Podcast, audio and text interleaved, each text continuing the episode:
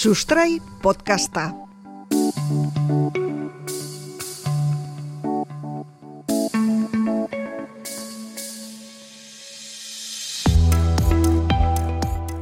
Agian bizigaren gizarte honetan obsesioa bilakatzen ari da.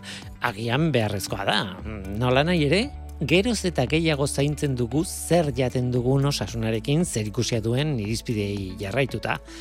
Eta geroz eta gehiagotan aztertzen dugu jaten dugun hori nahikoa ote den osasuntxu egoteko. Baina batetik, zaila da jakintza orokor egoki bat izatea gai honetan, eta bestetik, galdera garrantzitsu bat dator pertsonatik pertsonara aldeak daudenez, e, gorputzetik gorputzera aldeak daudenez, baldago modurik norberarentzat pertsonalizatua dagoen dieta egoki bat planifikatzeko. Horixe da gure gaurko gaia, dieta pertsonalizatua garatzeko ikerketa. Hau da Sustrai podcasta, zuekin Guillermo Roa Eluiarko zientzia divulgatzailea, baina ez nago bakarrik.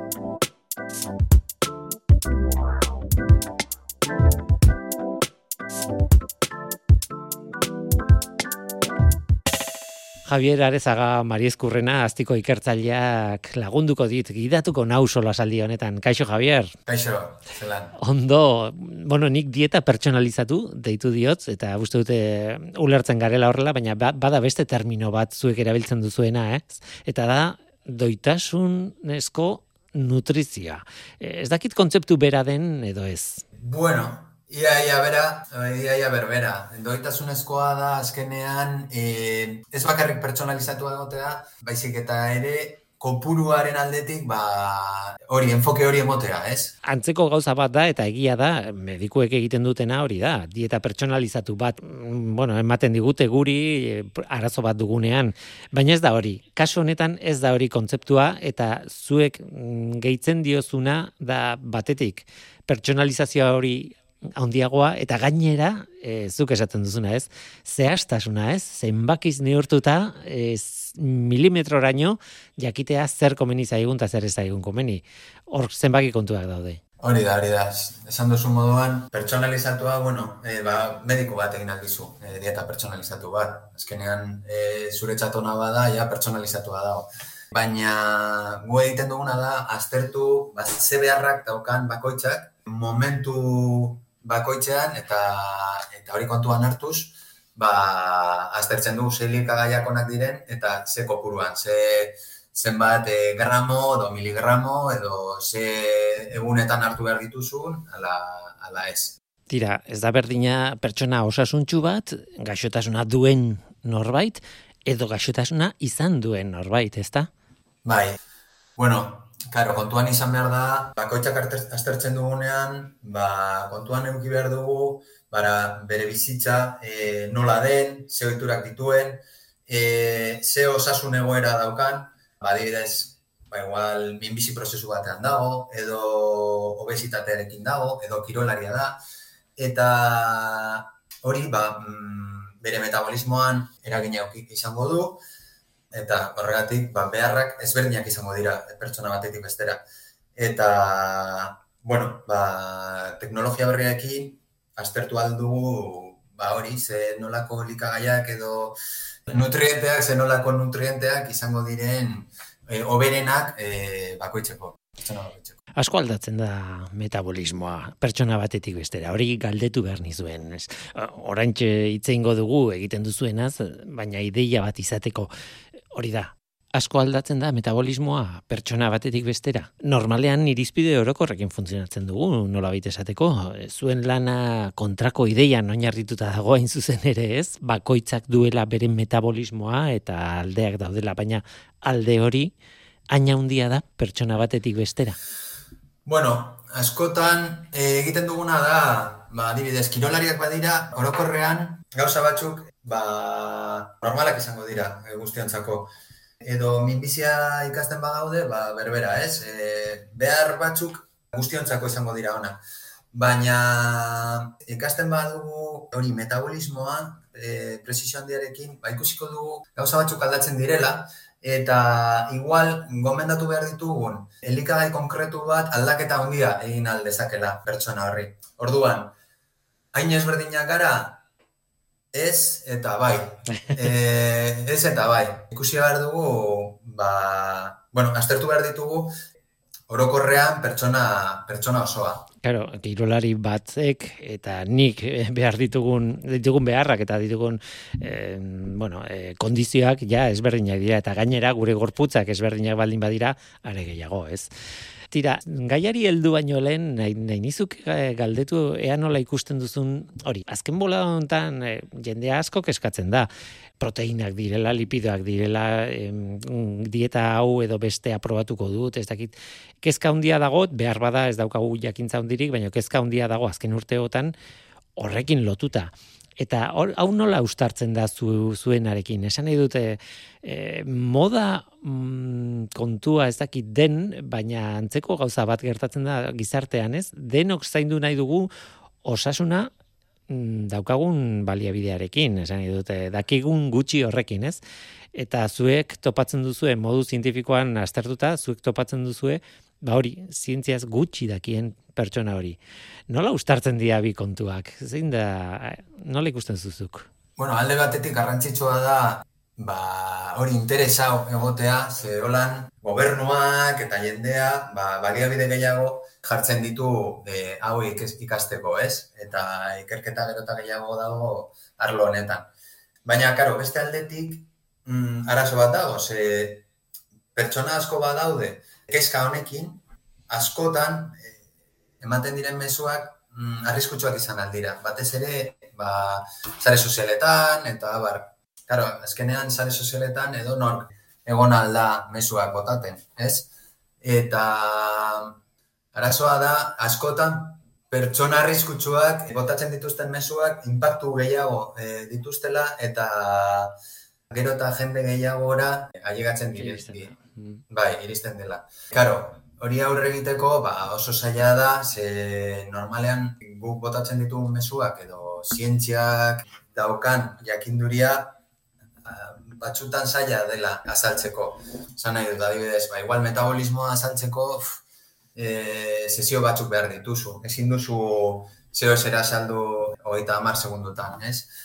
Eta, karo, hori, bueno, ba, mesu hona ez bada, ba, igual frogatzen duzu zure gorputzarekin, eta denbora luzean frogatzen ari bazara hori, ba, igual egin alduzun arazoa zure gorputzarako, ba, bueno, nahiko handia izan, izan alda. Delikatua da gaia, eh? Bai, Aber, nik uste dut, normalean, nahiko jakinduri ona dagola elikagaien artean, normalean. Baina batzutan egin nahi duguna da ba, mirarizko e, elikagai bat aurkitu edo beste elikagai batzuk deabru bezala ikusi eta ez bata ez bestea. Gehienak ez dira deabruak, gehienak ez dira mirarizkoak eta bueno, jakin behar duguna da bakoitzak ze beharrak dituen ba, horrekin frogatzeko. Eta ez, ba, igual nire laguna frogatu du, ez dakit, suplemento honekin, eta ondo joan zaio. Ba, ni frogatuko dut ere, ba, igual ez da egin behar duzuna. Igual ez da egokia zuretzat egia esan. E, guazen aztiko ikerketa zitze egitera. E, bueno, zuek e, aztertu egiten dituzuen olabait pertsonen metabolismoa, eta hortik abiatzen zarete, ez? Da lehenengo galdera da, zein da modu egokiena pertsona baten metabolismoa e, aztertzeko, ze metabolismoa da oso gauza zabala, undia, ez? Eta komplikatua. Baina zuek zertan zentratuta zaudete? Bai, bueno, metabolismoa da unibertso bat bezalakoa, ez? Bueno, eh, azteko, ba, esan behar dut, kero, teknologiare, teknologian eh, gertatu diren aurrerapenak, ba, informazio gero eta gehiago ematen digute, eta hori guztia kombinatzen dugunean, e, gero ere erabiltzen du ba, betidaniko e, odolasterketak, eta pertsona daukan ohiturak, eta objektibo helburuak, eta hori, ba, guztiz kombinatu eta gero, egin aldugu gomendio, gomendio pertsonalizatu eta eta zehatz hori, ez? Eta adibidez, ba, teknologi hori izan aldira ba, lipidomika azterketa edo mikrobiota, gaur egun oso famatua dena, ere ba, nutrigenetika izan alda, baina helburu nagusia da guzti horiek e, kombinatzea. Eta horretan dago ere inteligentzia artifiziala eta data eta Bai, horri buruz hitz egin behar dugu, ze harrigarria bada ere, Bueno, ez dakit ja gaur egun erregarria den, baina zuen esparrura iritsi da, ez, e, adimen artifiziala. E, nola nahi ere, aztin egiten duzuena nolabait dago lotuta lipidoei, ez? Beintzat e, lipidoek dute oso parte handia lipidomika deituko genioke, baina azken batean da aztertzea mm, pertsona bakoitzaren zeluletan dauden lipido kapa kanpoko mintza hori eta horretatik ondorioak atera, ez? Bai. Bueno, gu hasi ginen gure sailan, eh osasun eta eta nutrizioaren zailan, aztin, hasi ginen teknika horrekin, eta, bueno, ba, gure teknika, e, nola esaten da, egun nahiago dugun teknika da, ez? Teknika kutxuna edo favoritoa, ez? Bai, teknika favorita da, eta favoritoa. Azken finean zer da, ba, zelula bakoitzak, bere inguruan dauka e, geruza bat, eta gantzez osatuta dago. Eta gantzak, e, mota ezberdinekoak izan aldira. Eta, ba, igual, ase gehiago edo ase gabe gehiago badago, ba, funtzioa, daukan funtzioa zeluletan ezberdina izan alda, eta gero hori, ba, eragina dauka zelulen prozesuetan. Horregatik, e, gu aztertzen badugu, zelula baten gantza edo lipidoak, badak jakin aldugu, ba, zelula hori ba, erantzun ona edo txarra e, egiten duen ala ez. Azkenean, molekula bako, bueno, bakoitza ez, bakoitza ez, asko daudelako, baina azkenean e, molekulen e, komposizio kimikoa nola baita astertzen ari zarete ez, gantzak, bueno, denetik dago, golesterola bera da gantza bat, baina e, zuk aipatzen dituzun horiek izan daitezke gain adibidez, mintza osatzen duten e, gantza espezifiko horiek, ez? Bai, hori da. Odo lagin batetik, e, egiten duguna da, eritrozitoak hartu edo, edo globulu gorriak, eta horiei ba, hartzen dizkiego gantzak, eta gero makina batzuekin ba, aztertzen dugu eze motako lipido ezberdinak dauden. Eta proportzioak aztertu eta gero, badakigu ba, ba, bueno, ze funtzioak eukiko duten gantz horiek zeluletan, eta nola metabolismoa, pertsonaren metabolismoa eragina daukan ba, proportzio horietan, edo jaten duten pertsonak o jaten ari direnak, hori, zeo zer jaten badaude, ba, ze impactua eukiko duten gantzetan, eta nola eragina euki aldugun, ba, ba, maila ona ba, berriro emateko. Edo. Azkenean informazio pila bada. Bueno, azken batean gure gorputzean eh, molekulak dira milioika, gure sustantziak dira milioika, gure biomolekulak dira asko, eta, bueno, behar bada horregatik behar dituzu adimen artifizialeko teknikak, ez? Informazio erraldo jau dena prozesatzeko, ez da? Big data erabiltzen duzu, ez da? Bai, bai, bai. Bai, esan duzuna. Karo, teknika hauek oso politak dira, gero eta informazio gehiago ematen digute, baina gero hori guzti hori aztertu behar da. Gomende bat emoteko, adibidez. Ere hartzen dugu ba, pertsonaren, e, ari esan dudan bezala, helburuak, e, e, bere kirol ohitura eta horrelako informazioa eta guzti hori kombinatu behar da, ez? Orduan, adimen, e, adimen artifiziala ez, banu, ez bagenu ez bagenuen e, erabiliko e, ezinezkoa izango litzateke ze bueno, eske igual hitz egiten gaude, ez dakit, milioi e, datu ezberdin Eta, bueno, ba, hori guztia, ordenagailuak eta, bueno, e, adimen artifiziala laguntzen digu gomendioak ba, emoteko. Patroiak eta bilatzen ditu, ez, datu horrietan, ez? Bai, askotan oso zaila da, e, pertsona bat edo talde bat, aurkitzea e, datu batek e, erlazionatuta dagoela beste datu bat, batekin, eta, bueno, ba, adimen artifiziala egiten ditu milioika azterketa, haber ze, ze nolako erlazioak dituzten datu batzuek beste batzuekin. Eta, karo, hori asko laguntzen digu, ba, gauza berriak aurkitzeko. Tira, ez dut aztu nahi eh, elikagai funtzionalen kontzeptua zer den eta eh, noiz diren beharrezkoak ze. Kasu honetan, eh, zuek astartze dituzue lipidoak, hortik informazio bat ateratzen duzue, gomendioak ematen dituzue, horren arabera, baina, klaro, eh, batzuetan, askotan, eh, entzun izan dugu, behar ditugun nutriente guztiak elikagaietan egoten direla normalean. Baina, karo, elikagai funtzionalak daude ere, bai, adibide errexena behar da izango da esnea, kaltzio duna, edo ez, kaltzio gehiago daukan esnea, edo horrelakoak, ez? Vitamina D, eta...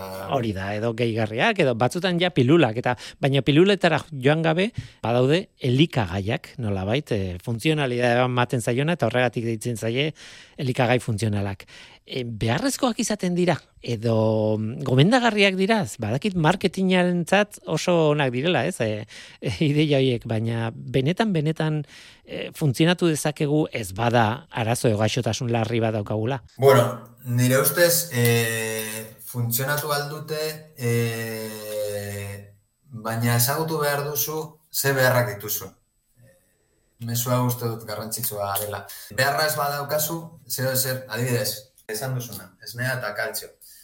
Eta zu aztertzen dituzu ze kaltzio maila duzun, eta basaude ondo, ba, esne hori ez zaizu, ez ingo, adibidez. Arazoa da, orokorrean, batzutan, e, entzuten dut ditugula e, mesu batzuk, eta esaten dugu, ah, ba, hau ona bada hartuko dut, eta berez igual ez duzu behar. Eta orduan, zer zer hartuko duzu, pues bueno, ba, igual gozoa dago, baina berez askotan igual ez, ez du ez egingo. Beste batzuetan bai, eh? Badibidez, eh, Espainian vitamina D maila gutxi eukitzea ba, oso normala da.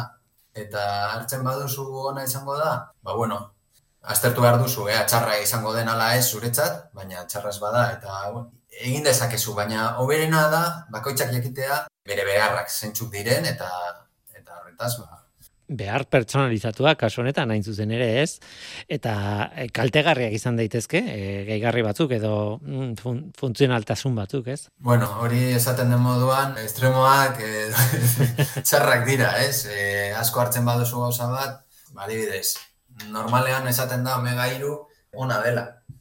Eta berez egia izan alda esan dudan bezala eh? E, behar du ze, ze mailak ditugu.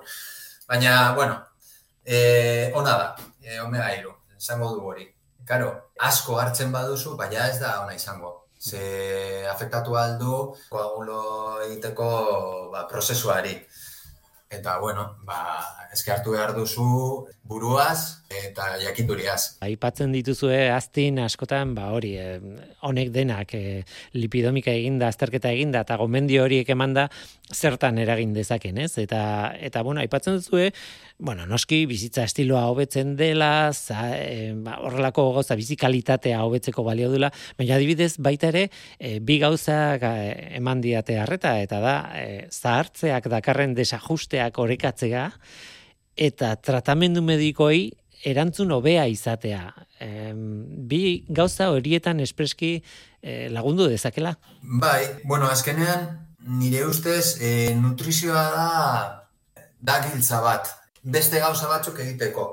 Adibidez, ba, kirola egiten baduzu, bueno, ba, gero errekuperaketa hori eukitzeko edo errekuperaketa ona eukitzeko nutrienteak izan behar dituzu, e, nutriente espezifikoak eta hori ba, nutrizioan dago, ez? Zahartzen zarenean, gero eta prozesu metaboliko ezberdinak ehazten dira eta nutrizioa kontutan hartzen ez baduzu, ba igual zahartze prozesu hori ez da oberena izango. Orduan guzti hori kontuan hartuz, claro, zu prestatu dezakezu zure gorputza, ba, bizitzari aurre egiteko modu oberenean. Zu prestatzen duzu zure gorputza, e, bizitzari aurre egiteko modu oberenean, ez? Eta e, horretarako nutrizioa lagundu, lagundu aldu. Beste adibidea esan duzuna, ba, medikoen tratamenduak eragin duten baldaketak e, konpontzeko, ez? Adibide oberena uste dut dala ekimioterapia edo radioterapia. Uh Karo, egiten duten aldaketak izugarrizkoak dira. Bai, oso bortitzak dira. Baina oso bortitzak dira. Eta Karo, zu prestatzen baduzu zure gorputza nutrizioarekin e, indartsu egoteko, errazagoa izango da zure gorputzarako modu honan, honean egotea. Eta horregatik, tratamendu medikoari erantzun hobea ematen diozu Hori da. Eh, horren bitartez, ez? Gai interesgarria da, eh? oso gai polita eta gainera oso gertutik tokatzen zaiguna. Eh? Bai. Hemen utziko dugu, Javier Amezaga, aztiko ikertzailea, eskerrik asko gurekin izateagatik eta hau dena kontatzeagatik eta ea ze, ze aurrera pen izaten dien lipidoen munduan nutrazioarekin lotuta. Eskerrik asko zuei eta eskerrik asko gonbidatzeagatik.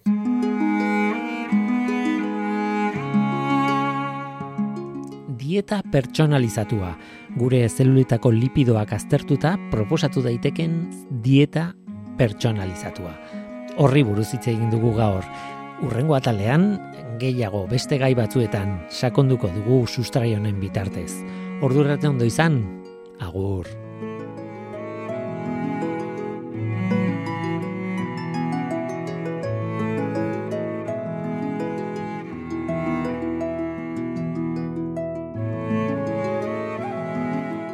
Sustrai podcasta elujarrek ekoizten du Eusko Jaurlaritzako ekonomiaren garapena, jasangarritasuna eta ingurumen sailerako.